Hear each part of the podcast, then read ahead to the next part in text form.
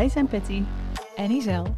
In deze fancast bespreken we de race, verdiepen we onze kennis. En geven we speciale aandacht aan de vrouwen in de sport. Welkom bij de F1 Pitcast. Ja, is jouw eh, hartslag alweer een beetje naar beneden? Nou, ik ben eindelijk weer een beetje aan het ontspannen in mijn lijf. Want ik heb in, denk ik inderdaad, eh, nou ja, wat zal het zijn, 30 rondjes verkrampt op de bank gezeten. Ja, het was weer een ouderwets spannende race, gelukkig. Nabeschouwing. Ja, en eh, het begon al eh, met best wel een leuke kwalificatie het weekend. Eh, vooral het laatste Q was heel erg spannend, de Q3. Maar we gaan het natuurlijk heel eventjes gewoon van vooraf aan bespreken. En begon natuurlijk ook meteen al in Q1 eh, met de crash van Perez. Ja, Zoals al vrij snel rood eh, in de eerste sessie. code rood inderdaad. En wat dan eh, in Monaco dan zo typisch is, dan, er staan enorme huiskranen langs de baan die dan de auto's echt van het circuit moeten eh, aftakelen. Eh, omdat er geen andere goede manieren zijn om die auto's daar weg te krijgen. En eh, wat daar grappig aan is, dat was in de vrije training ook al gebeurd bij eh, Hamilton, dat iedereen dan onder de auto kan kijken. Terwijl eigenlijk proberen de teams hun vloer en hoe dat eruit ziet heel erg geheim te houden. Maar ja, met zo'n takel en dat die auto Ja. gewoon in de lucht, dan kunnen allemaal fotografen eronder gaan staan en eh, foto's maken. Hij is heel lang exposed, eh, zeg maar. Ja. ja. ja, en het was bij Hamilton eh, in de kwalificatie, want er waren nog ongeveer uit mijn hoofd zes minuten op de klok toen de sessie hervat werd. En toen was het voor Hamilton nog best wel spannend of hij het zou gaan redden. Want in eigenlijk het rondje waarin hij zijn snelle tijd had moeten zetten, verremde hij zich nog. Normaal zou je dan nog één rondje willen hebben om en te koelen en je, al je batterijen en dergelijke weer op te laden. Al je extraatjes die je kan gebruiken. Maar dat rondje had hij niet meer, want daar was de tijd niet meer voor. Dus hij moest daarna gewoon in één keer door in een eh, vliegende ronde. Nou, het is hem gelukt. Hij was wel door. Ja, ook de Vries eh, heeft net weer Q2 Ja. gehaald. En eh, de- reed daar een, eh, een vijftiende tijd in die eerste Q. Dus eh, Ja. net de laatste die zeg maar nog door kon naar eh, Q2. Terwijl zijn teamgenoot Yuki eh, heel even zelfs de allersnelste Ja. tijd reed. Maar uiteindelijk de tweede snelste tijd heeft gereden. Ja, die was Dus- echt on fire eh, Ja. de quali. Dus er is best een verschil weer tussen de twee teamgenoten. Al begreep ik ook wel dat de Vries eh, werd opgehouden door Bottas. Ja. Dus dat dat het een beetje vertekent. En wat het ook vertekent is dat het rondje in Monaco eigenlijk heel kort is. Het circuit is heel kort in, in kilometers. En dat alle tijden eigenlijk heel dicht bij elkaar zaten. Dus Ja. het, het is eigenlijk een minder groot verschil dan dat het leek. ja, in plaats is het een groot gat, maar in tijd eh, viel het eigenlijk wel mee inderdaad. Wat ik ook wel opvallend vond, was nog eh, dat Albon eh, de derde tijd reed in Ja. die Q. Dus weer een hele mooie prestatie in de kwalificatie van hem. Misschien heeft hij een beetje het stokje Mr. Saturday van eh, Russell Van- ja, overgenomen. precies. Toen gingen we naar eh, Q2 en eh, daar was Hamilton wat aan het klagen over problemen met zijn ophanging. Maar nou ja, die hebben hem uiteindelijk niet per se in gevaar gebracht. Wie wel echt zichzelf in gevaar had gebracht was Norris. Want die kwam met zijn auto, kwam, ja, raakte hij de vangrail. En het is hem gelukt eh, niet te crashen, dus hij kon wel eh, nog doorrijden. Maar hij kwam dus met schade aan de auto in de pit. En eh, nou, de, de commentatoren hadden er een hard hoofd in of hij dan ze de auto nog op tijd aan de praat zou krijgen. Want hij had wel al een snelle ronde neergezet, dus hij mocht wel door naar Q3. Maar het is uiteindelijk gelukt. Ja, helaas, de Vries haalde Q3 net niet. Hè. Zat weer op het randje, maar dan net aan de verkeerde kant in deze Q. Ja, hij kwam 500ste tekort. Dat is echt weinig. Ja. En ook Stroll haalde Q3 niet. En wat ik ook voorbij zag komen was dat hij een eh, penalty, of een penalty in ieder geval noted was, dat hij niet was gestopt voor het weegmoment. Ja, Want ze doen af en toe zo'n steekproef eh, met de auto's wegen tijdens de kwalificatie en die had hij dus eh, gemist. maar je klinkt verbaasd dat hij Q3 niet gehaald heeft. Ja, toch omdat Alonso het dan zo goed doet. En de, de, Ja. de Aston Martins op zich dit seizoen heel goed bezig zijn. Ja. Ja, verbaast het me toch dat hij het dan niet haalt. Dus niet de eerste keer, Nee. maar... Nou ja, en dan door naar eh, Q3. Nou, Norris, eh, ik zei, verklapt het al een beetje. Het is er dus gelukt de auto op tijd op te knappen, maar het had nog maar zes minuten op de klok. Dus het was wel echt op het randje. Ik vond het heel leuk, je zag echt die ontlading bij de monteurs. Toen hij de pitbox uit was gereden, gingen ze allemaal elkaar even knuffelen en high-fiven en zo. Van, hey, dit hebben we toch mooi even gefixt. Ja, wat je zag bij eh, Q3 was dat Max als eerste naar buiten reed. Dat was bij Q2 ook al. Eh, dus dat hij eh, een les heeft geleerd natuurlijk van vorig jaar... Ja. waar hij door een crash van Perez ehm, ja, geen snelle ronde meer kon neerzetten. Nee, hij stond nu iedere keer echt hij, dat gaat me niet meer gebeuren. Ja, hij ging iedere keer echt al staan wachten bij de, de pit-exit inderdaad. tot het licht op groen zou gaan voor de sessie. Ja, en de eerste pole voor Max Verstappen in Monaco. Ja, super vet. Het was wel echt heel spannend in Q3 nog. Want eh, Alonso reed eerst nog een eh, snelle tijd. Nee, dat zeg ik niet goed, sorry. Leclerc eerst. Toen kreeg hij natuurlijk heel veel applaus, want het eigenlijk een beetje zijn eh, thuisrace. Alonso ging daar onderdoor. Hij zei over de radio nog, toen hij complimenten van het team kreeg... oh, zo'n goede ronde. Yes, I'm pushing like an animal. Eh, maar uiteindelijk is het dus Verstappen, ondanks dat hij in de tweede sector twee tiende boven de tijd van eh, Alonso zat, die toen dus nog de poltijd had, heeft hij zo'n sterke derde sector gereden dat het hem inderdaad uiteindelijk toch eh, gelukt is. Zelfs met nog een kleine touché van de muur, net nog voor start-finish. Dus dat heeft hij echt heel erg knap gedaan. Nou, Con heeft ook een hele mooie prestatie geleverd met uiteindelijk een, een vierde tijd. Maar uiteindelijk mocht hij de race als derde starten, omdat Leclerc, die eigenlijk derde is geworden in de kwalificatie, nog een straf heeft gekregen voor het hinderen van Norris. Ja. En die moest dus eh, uiteindelijk als zesde starten. Ze hebben het wel eens over de vloek van zijn thuisrace. Want in Monaco heeft hij over het algemeen heel erg veel eh, pech. Ja, En je zag bij de monteurs van Aston Martin dat ze eigenlijk een beetje teleurgesteld waren toen Alonso de pole dan net niet had gered. Maar uiteindelijk toch wel ja, heel blij ook met eh, een hele mooie tweede plek weer eh, bij hun. ja dan de race. Ja, nou, we begonnen. Waar, waar beginnen Waar te beginnen? mee? Het was eh, sowieso wel opvallend om te zien. er werd van tevoren al een klein beetje gespeculeerd. Alonso had er ook al een klein grapje over gemaakt naar de kwalificatie. Van ja, Max zijn start is niet altijd heel sterk. Eh, dus het voelde volgens mij voor veel mensen als een soort kans voor eh, Alonso om een keer eh, de overwinning te halen. En hij had dan gekozen voor de harde band. wat dus een andere strategie was dan Max, want die stond op de medium. Maar het bleek ook dat Alonso geen setje medium überhaupt meer over had om op te starten. Dus nou ja, het was ook een beetje een noodgedwongen andere strategie. Ja, de eerste keer dat ze door de Fairmont Hairpin eh, gingen, die, eh, de bocht die, we, die jij vorige, Vorige keer week. al eh, behandelde, omdat het de langzaamste bocht is van alle Ja. circuits, was meteen chaotisch. Allerlei mensen botsten tegen elkaar. Vooral Ehm, Hulkenberg tegen anderen. ja, die, en later botste Hulkenberg ook nog tegen Sargent aan. Dus die kreeg daar uiteindelijk ook een eh, vijf seconden penalty voor.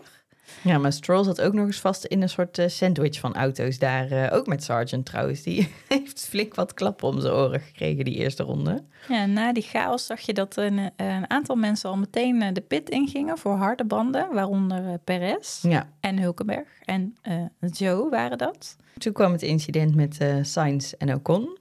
Sainz eh, zat heel dicht eh, op Ocon. Eh, het was rondje 10, maar eigenlijk iets te veel. Want eh, toen ze de tunnel uitkwamen, eh, heeft Sainz de achterkant van Ocon eh, geraakt. Hij had gewoon eigenlijk niet genoeg ruimte gehouden. Nou, dat was natuurlijk eh, meteen stond het team ook klaar met een nieuwe eh, neus voor hem.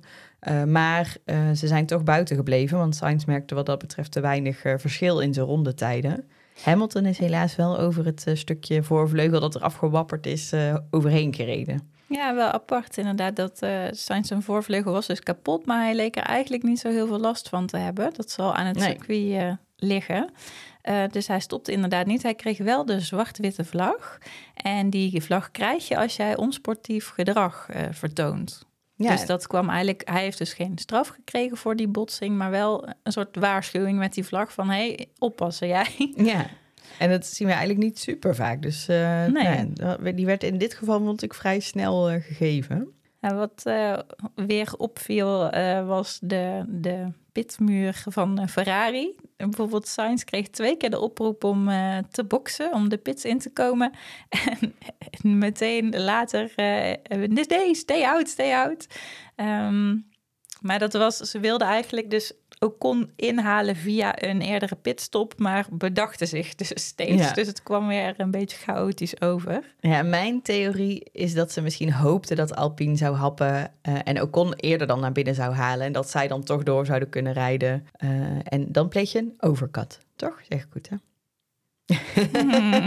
Hier komen wij nog een keer op terug. Ja. maar ja, nee, Maar het dat was, was... eigenlijk inderdaad een trucje proberen uit te halen. Misschien wel wat tot twee keer toe mislukte. Ja, we kunnen het gewoon nog een keer proberen.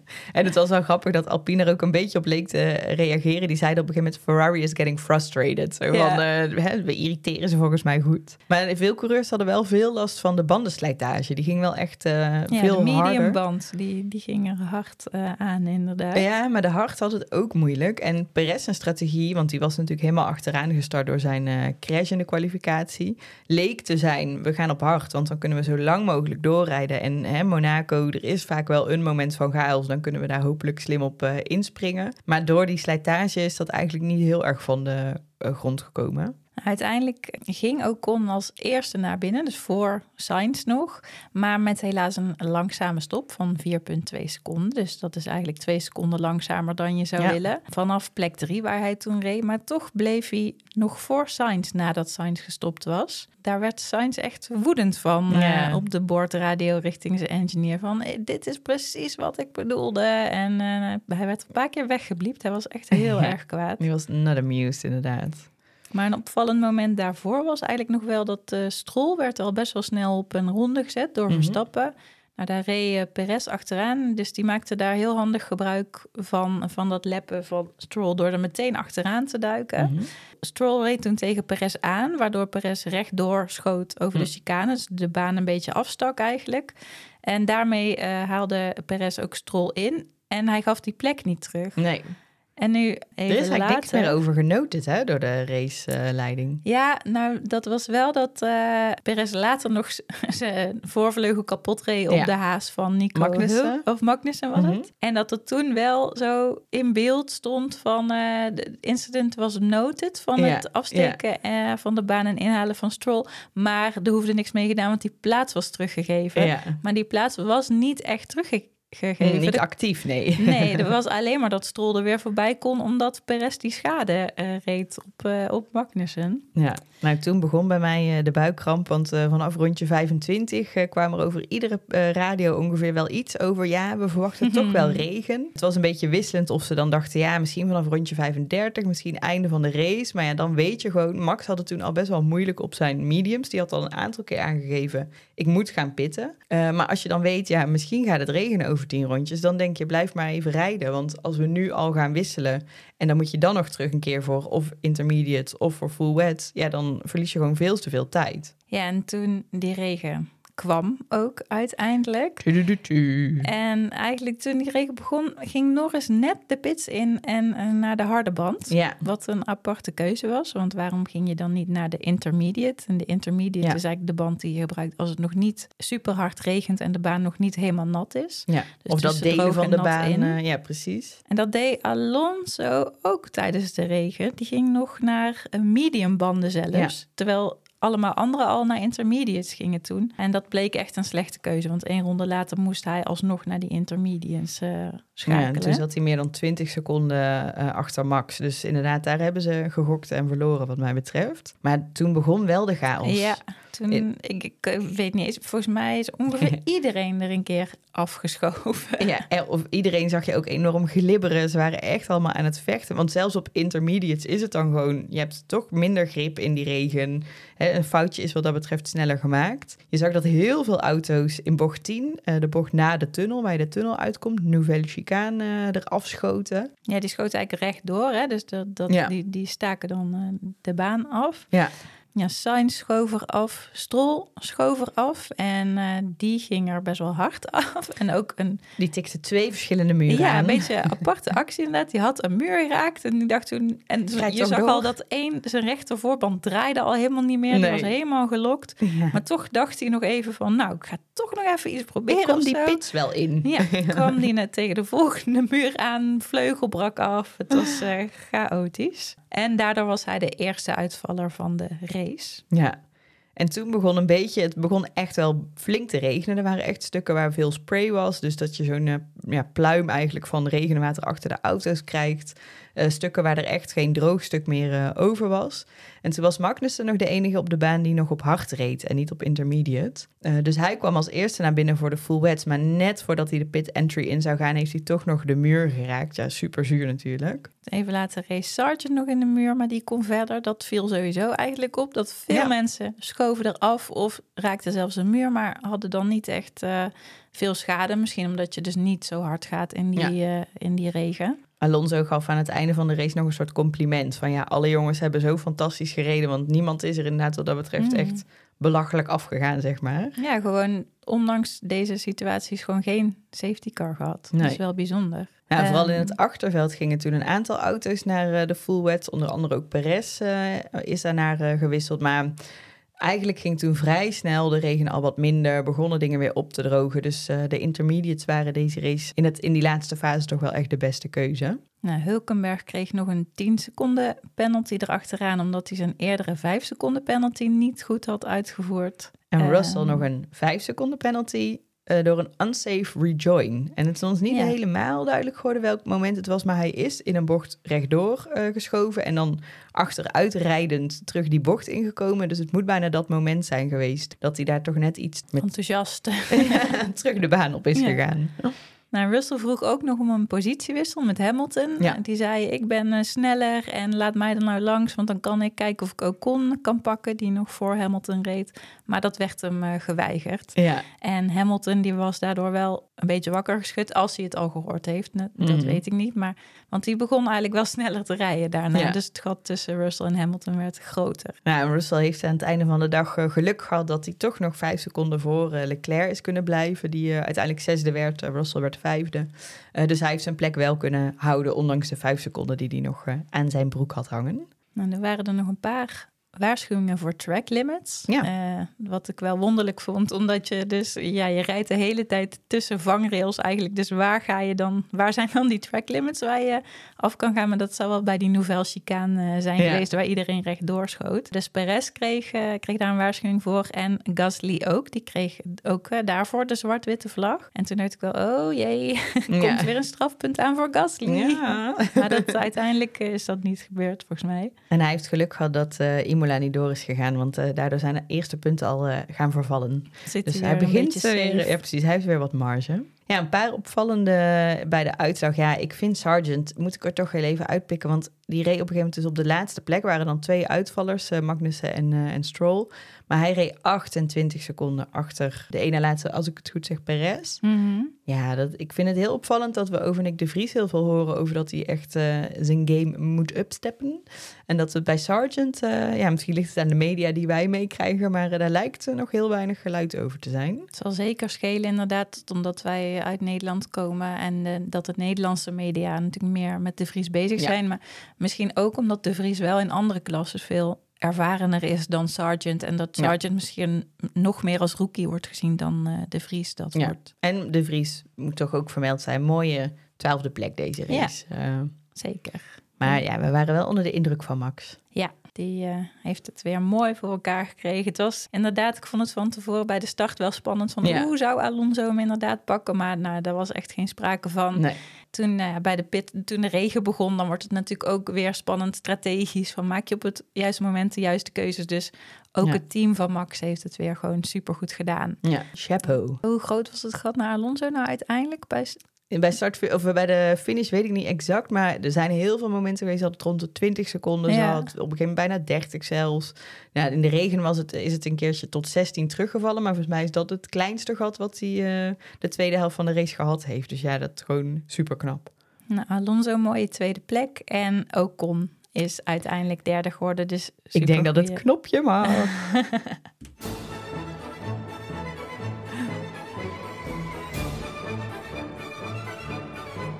Dat was het knopje. Ja, want we gunnen Ocon deze keer de erekrans. Hij was zelf ook helemaal in zijn nopjes. Hij Ja. eh, kwam eh, bij David Coulthard voor het interview na de race. En toen was het Esteban aan de podium, baby. Het was alsof het een overwinning was voor Ja. hem. Maar wat ik ook wel snap, want eh, het team had hele forse kritiek gekregen van hun CEO, Laurent Ro- Rossi. En dat was eigenlijk al de tweede keer dat hij het team echt amateuristisch noemde. En het moest allemaal veel beter. Nou, dat hebben ze meteen gedaan eigenlijk. Uh, ze hebben meteen een mooi antwoord gegeven met deze derde plek voor Ocon. Ja, hij heeft er goed in de kwalificatie zat hij er super bij. Hij heeft er gewoon uh, goed voor gereden. Hij heeft hem mooi op de baan gehouden. Dus uh, heel erg verdiend. En Gasly uiteindelijk uh, zevende geworden, zijn teamgenoot. Dus op zich ja. een, een mooi weekend voor, voor Alpine. Alpine.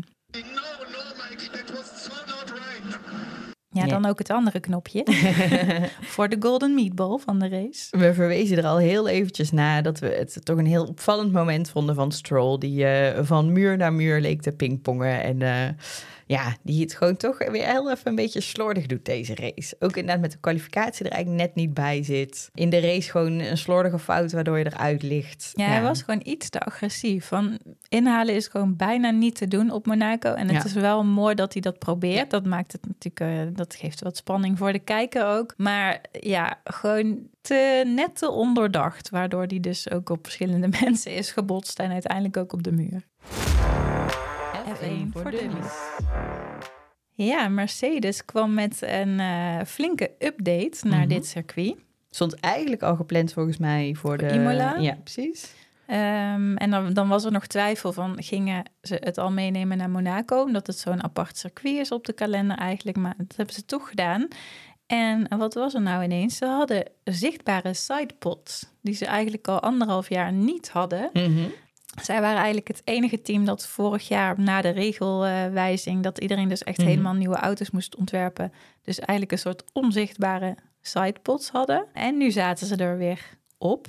Maricel, wat, wat, is, een sidepod eigenlijk? nou, dat is dus een aerodynamisch component die aan beide zijkanten van de auto loopt. En het is eigenlijk een soort buis die van de cockpit naar de achterwielen loopt. En aan de voorkant van de auto stroomt lucht erin en aan de mhm. achterkant er weer uit. En ze hebben als doel om de luchtstroom rondom de achterwielen te beïnvloeden. En uh, die luchtstroom naar de diffusers te leiden om mhm. drag, uh, en dat is weerstand, te verminderen en om downforce te creëren. Dus zoveel mogelijk grip te creëren. Ja. Uh, en wat is een diffuser nou, nou mhm. eigenlijk? Dat is een opening aan de achterkant van de vloer.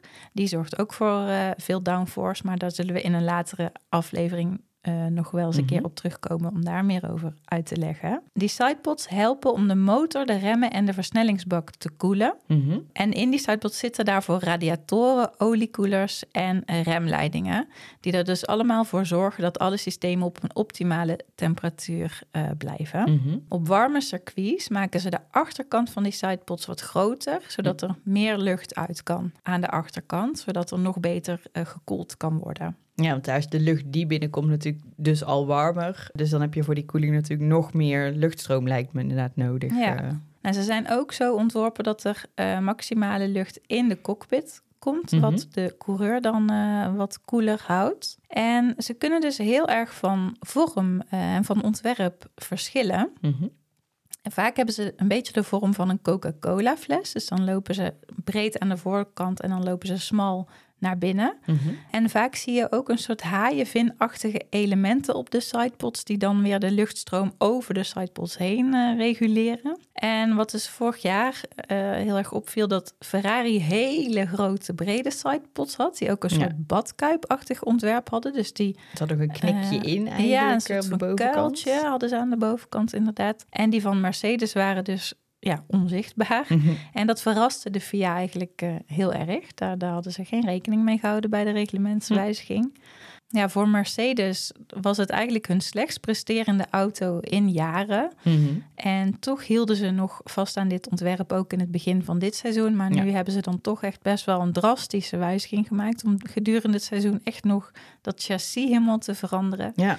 Maar uh, George Russell gaf al aan, nou, het heeft ons nog niet meteen heel veel opgeleverd. In de kwalificatie haalden ze ook nog niet echt hele mooie resultaten met een eh, P6 en een P8. In de race zijn ze uiteindelijk P4 en P5 geworden. Dat is oké, maar niet, ze hebben niet echt een hele grote stap nog uh, kunnen maken eigenlijk. Nee, en ik heb het idee dat de koeling was volgens mij niet echt het probleem uh, bij Mercedes. Daar heb ik ze in ieder geval nooit vorig jaar over horen klagen. Dus dan zit het in, daar met name denk ik in het stukje downforce wat ze dan dus blijkbaar missen. En hiermee hopen te gaan vergroten. Maar wat ik nog wel interessant vind is, je ziet wel eens tijdens races dat uh, er door een uh, touché tussen twee auto's een stuk sidepot afgaat. Dat er gewoon soms een gat in zit.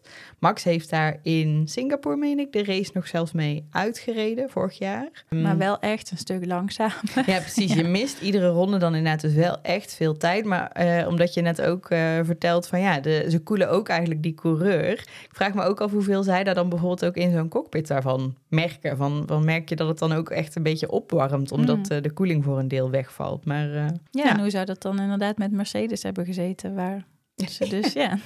Zouden die gaan even warm hebben gehad. ja. Met wat voor rode boeien die iedere keer de auto uitkwamen. De eretreden. Ja, vorige week eh, zijn we verder geschiedenis ingedoken met de eerste vrouwelijke coureur die uh, in de Formule 1 gereden heeft. Nu uh, bespreken we een vrouw waarvan ik hoop dat zij de komende jaren een keer de stap naar de Formule 1 kan gaan maken. Dat gaat om Jamie Chadwick.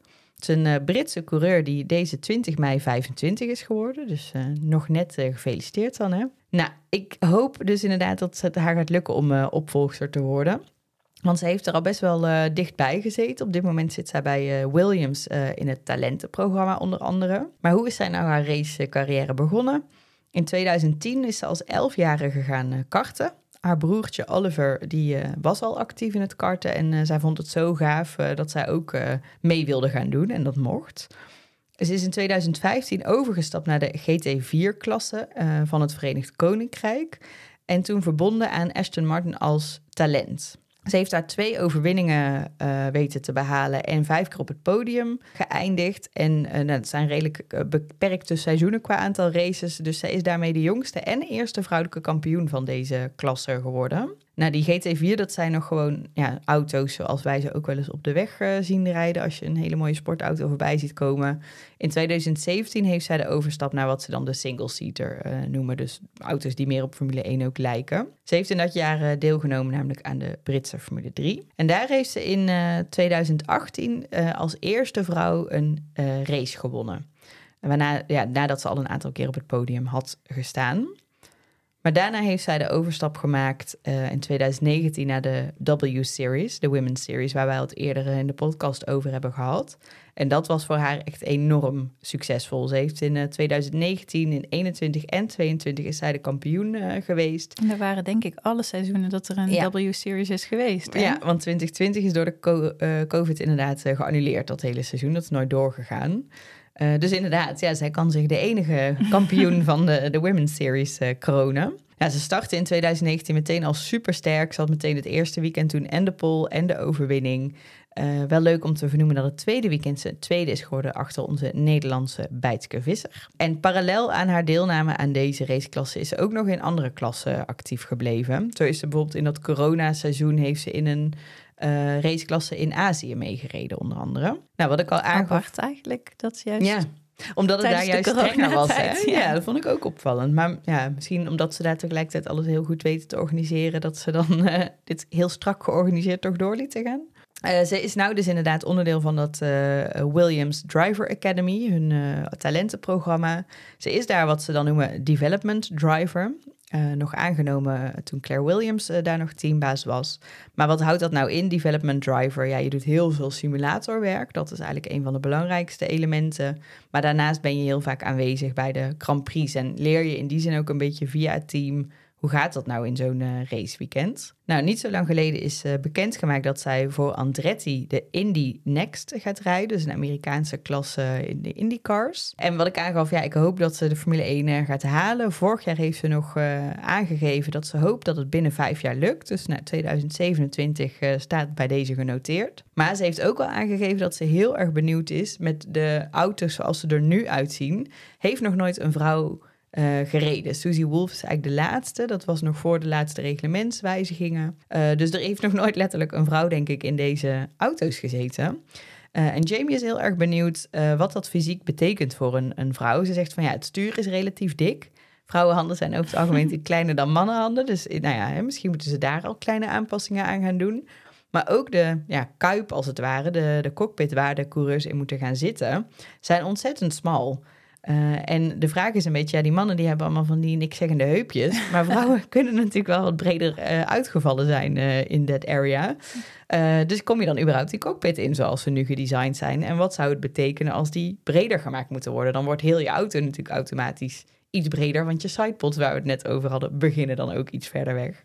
Dus heel interessant. Nou, nog een leuk feitje vond ik haar favoriete circuit. Dat is de Nürburgring Noordschifle. Waarvan wel eens wordt gezegd... Noordschleifen. Laat mij maar de Franse termen doen. en daarvan wordt wel eens gezegd dat het, uh, het circuit door de hoge snelheden die je er haalt echt wel een, uh, nou ja, dan zeggen ze grote ballen circuit is. nou, voor de vrouwen, wat maken we? De grote spierballen. dus dat vind ik heel tof dat dat dan haar favoriet is. F1 Social Media. Ja, dit keer geen uh, gewone media, geen krant of documentaire of wat dan ook, maar even de social media, wat er allemaal uh, rondging op de, in de afgelopen week. Mhm. Wat ik bijvoorbeeld erg grappig vond, was een foto van Max Verstappen met een hamer bij een, een deur in zijn woning, waar hij net met die hamer een gat in had geslagen. Klinkt niet leuk. Nee, klinkt uh, als een uh, agressieve boze agressie. Maar het was heel lief om zijn kat te bevrijden. Oh. Zijn kat zat namelijk in die kamer en die was ergens opgesprongen wat voor de deur was gevallen, waardoor Max de deur niet meer open kreeg. En uh, ja, als een soort brandweer heeft hij toen zijn eigen deur ingeslagen. Goed opgelost.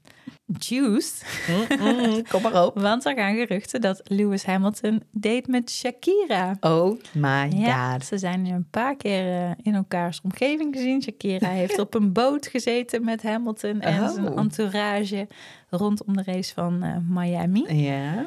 Dus uh, nou, ik ben benieuwd. Ik zou het wel een leuk stel vinden Koppel eigenlijk. vinden. Ik zie het Ja. wel voor me eigenlijk. Ik vond het ook wel heel leuk toen eh, Lewis nog een relatie had met een van de Pussycat Dolls. Nicole... Toen was hij ook heel vaak bij de races eh, te zien. Ja. Sowieso is dat de laatste tijd iets minder. hè. Of die vrouwen komen minder, of ze zijn minder in beeld tegenwoordig. Klopt, ja. Sowieso mensen eigenlijk in de pitbox worden gewoon ongeveer Veel niet meer... minder. eh, Ja. Nee, nee was, ik vond dat wel leuk, omdat zij het natuurlijk nog soort van intenser beleven. Want als hun echtgenoot of zoon of wat dan ook crasht, dan is het voor hun nog tien keer erger dan voor ons, zeg maar. Dus dat, ik vond dat wel leuk om te zien. Maar Ja. over de datingcircuit eh, gesproken. Ja, een paar weken geleden ging het gerucht dat Alonso met Taylor Swift zou daten. Die twee had ik nou nooit bij elkaar bedacht. In de Nee. zin, wanneer komen die elkaar nou tegen? Nou ja, volgens mij was zij dus ook een keer bij een Grand Prix in Amerika. Hm. Zal dan wel Miami zijn geweest. Eh, ik weet het trouwens niet, maar en dan daar zouden ze elkaar ontmoet hebben. Maar eh, nou ja, hij, ont, ja, hij ontkende dat toen niet echt, maar hij ging er ook niet heel erg op in. Hm. En eh, dat, dat is ook alweer een beetje verwaterd, eh, dat We gerucht. hebben geen eh, bevestigende beelden gezien eh, Nee. daarna. Nee. Nou, nog één nieuwtje wat niet per se van de social media zelf afkwam. maar ze zeggen wel eens silly season als er heel veel wisselingen zijn, bijvoorbeeld bij de coureurs of bij de teambazen. Maar het lijkt op dit moment wel een beetje silly season onder de motorleveranciers. Want er was afgelopen week opvallend veel motornieuws. Zo maakte Aston Martin bekend dat zij een deal hebben gesloten met Honda. Wat best wel juicy is, omdat Honda had aangegeven: nee, we willen niet meer actief zijn in de Formule 1. Daarom is Red Bull onder andere begonnen met hun eigen powertrain-programma. Ehm, dus dat ze nu terug zijn, niet bij Red Bull, vind ik al opvallend. Ja, en, En daarnaast werd er ook een beetje geïnsinueerd... Alonso heeft tijdens zijn tijd bij McLaren al voor... eh, of met een Honda-motor gereden. En hij was altijd op ze aan het mopperen. Dus er wordt ook wel een beetje aangegeven van... waarschijnlijk dat Alonso het niet leuk gaat vinden... als Honda de leverancier gaat zijn.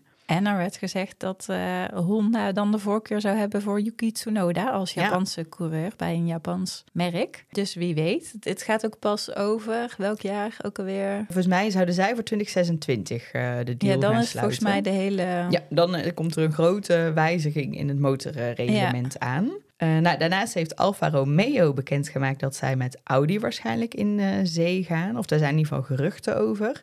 En nu wordt die verwarrend, want Alfa Romeo is zelf natuurlijk ook, hoewel ze nu dus met Ferrari-motoren eh, rijden, maar ook een motorleverancier. En daar gaan dan weer geruchten over dat Haas uh, daar mogelijk dan in geïnteresseerd zou zijn. Dus dan zou dat team mogelijk Alfa Romeo, Romeo gaan heten. En dan Alfa Romeo waarschijnlijk Audi of nog iets anders. Nou ja. Gelukkig hebben we nog een paar jaar om dit uh, Ja, volgens mij de eerste deals zouden mogelijk wel al vanaf 2024 gaan, uh, gaan lopen. Maar inderdaad, nog even tijd om voor te bereiden. Vooruitblik.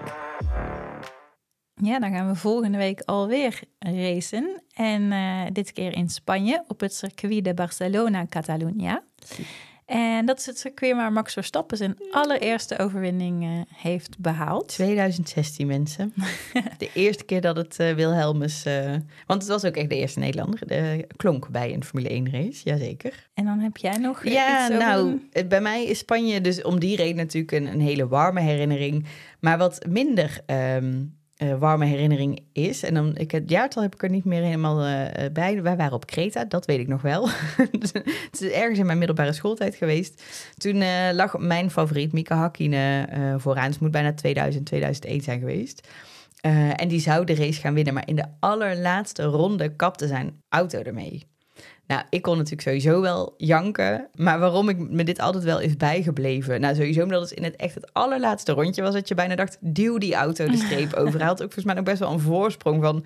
in theorie kan je dit gewoon nog halen. Maar uiteindelijk heeft zijn toenmalig uh, teamgenoot David Coulthard... hem min of meer een lift naar de pit gegeven. Dus uh, Mika Hakkinen zat zo een beetje zijdelings op de sidepod. Kijk, prachtige rode draad in deze aflevering. en op die manier, het zou nu denk ik niet meer mogen. Dan krijg je waarschijnlijk een boete of zo, of een, een waarschuwing. Uh, maar zo is hij toen teruggebracht naar de pit. Uh, ja, bijna volgens mij vanuit Coulthard ook als... ah, dit is echt zo zuur voor jou. Ja, als je niet meer in de hekken mag hangen... mag je zeker niet meer licht nee. op de sidepod, denk ik.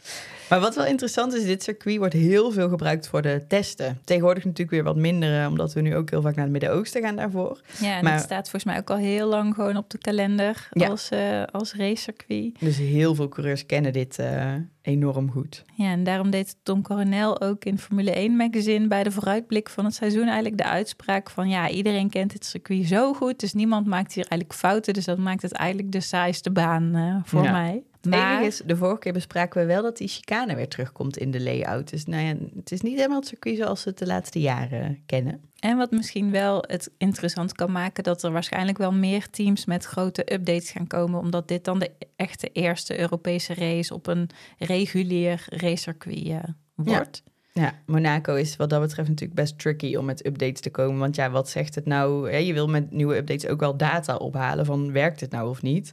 Dat kan je beter op een circuit waar de kans op chaos iets minder groot is en waar je gewoon al veel data hebt en, uh, en veel ervaring mee hebt. Ja, dus dan dus... zijn wij er volgende week weer. Tot dan!